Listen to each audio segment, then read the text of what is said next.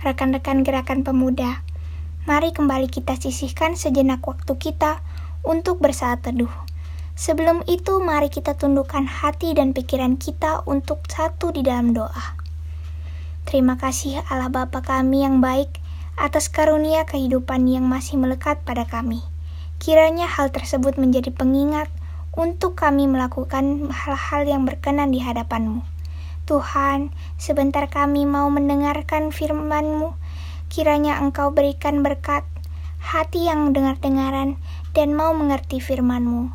Inilah doa anakmu dalam nama Tuhan Yesus Kristus kami sudah berdoa. Amin. Ayat bacaan kita pada hari ini terambil dari Keluaran 34 ayat 1 sampai 9 yang berbunyi demikian dua loh batu yang baru. Berfirmanlah Tuhan kepada Musa, patahlah dua loh batu sama yang, dengan yang semula-mula, maka aku akan menulis pada loh itu segala firman yang ada pada loh yang mula-mula, yang telah kau pecahkan. Bersiaplah menjelang pagi dan naiklah pada waktu pagi ke atas gunung Sinai.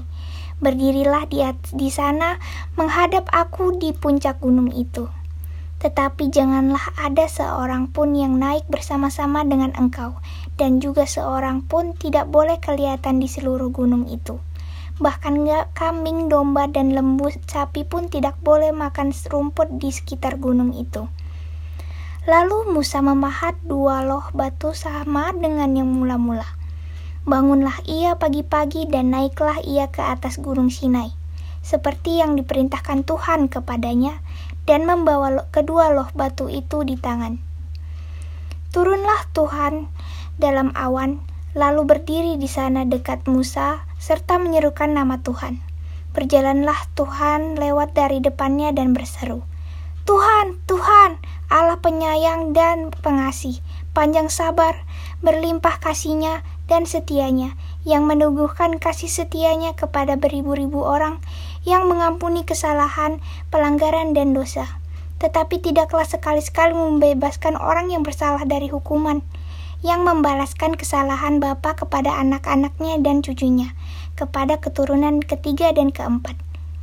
Segeralah Musa berlutut ke tanah lalu sujud menyembah, serta berkata, jika aku telah mendapat kasih karunia di hadapanmu ya Tuhan, berjalanlah kiranya Tuhan di tengah-tengah kami, Sekalipun bangsa ini suatu bangsa yang tegar tengkuk, tetapi ampunilah kesalahan kami dan dosa kami. Ambillah kami menjadi milikmu. Baik rekan-rekan, renungan kita pada hari ini berjudul Belajar dari Allah dan Kasihnya. Rekan pemuda, jika ditanyakan tindakan yang diinginkan Tuhan untuk dilakukan yang mudah dikatakan tetapi sulit dilakukan, itu apa? Saya yakin sebagian kita akan mengatakan mengampuni atau memaafkan. Ya, kata itu mudah dikatakan, namun sulit dilakukan. Mari belajar dari perikop hari ini.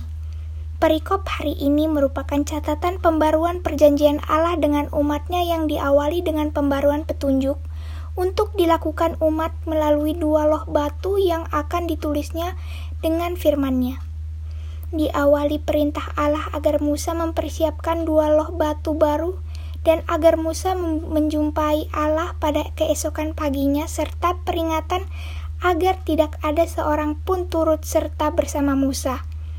Dalam per, perjumpaan itu, Musa mendengar pernyataan tentang Allah dan tindakannya yang dilandasi kasih yang besar kepada manusia.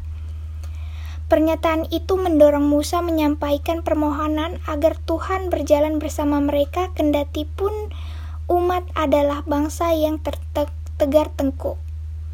Musa juga memohon Tuhan mengampuni mereka dan tetap menjadikan mereka miliknya. Rekan-rekan pemuda-pemudi, belajar dari kasih Tuhan, maka salah satu karakter yang wajib kita lakukan dalam kehidupan sehari-hari yaitu memiliki kasih dan kesabaran. Bila mana keberada dalam berbagai situasi tidak menyenangkan atau konflik, usahakan supaya tidak cepat marah maupun kecewa, karena kemarahan tidak akan menciptakan suasana yang baik ataupun memecahkan masalah atau konflik. Menyikapi situasi konflik, maka tindakan menghindar sejenak untuk memenangkan hati atau membuat kepala dingin dengan berjalan keluar sebentar sambil memikirkan cara yang bijak dengan tuntunan Roh Kudus adalah tindakan yang tepat. Dengan berupaya menjadi orang yang memperlakukan kasih, maka karya maupun talenta yang kita miliki dan tunjukkan akan mendatangkan damai sejahtera di tengah beragam situasi. Kembali kita satu di dalam doa. Tuhan, kembali kami mengucap syukur atas masih adanya kesempatan bagi kami untuk mendengarkan sebagian dari firman-Mu. Ya Tuhan, berkati kami dengan kasih-Mu, supaya kami dimampukan selalu dalam segala hal supaya tidak cepat marah dan dapat mengontrol emosi di tengah pandemi ini. Inilah doa anakmu, dalam nama Tuhan Yesus kami sudah berdoa. Amin. Selamat menjalankan hari rekan-rekan pemuda.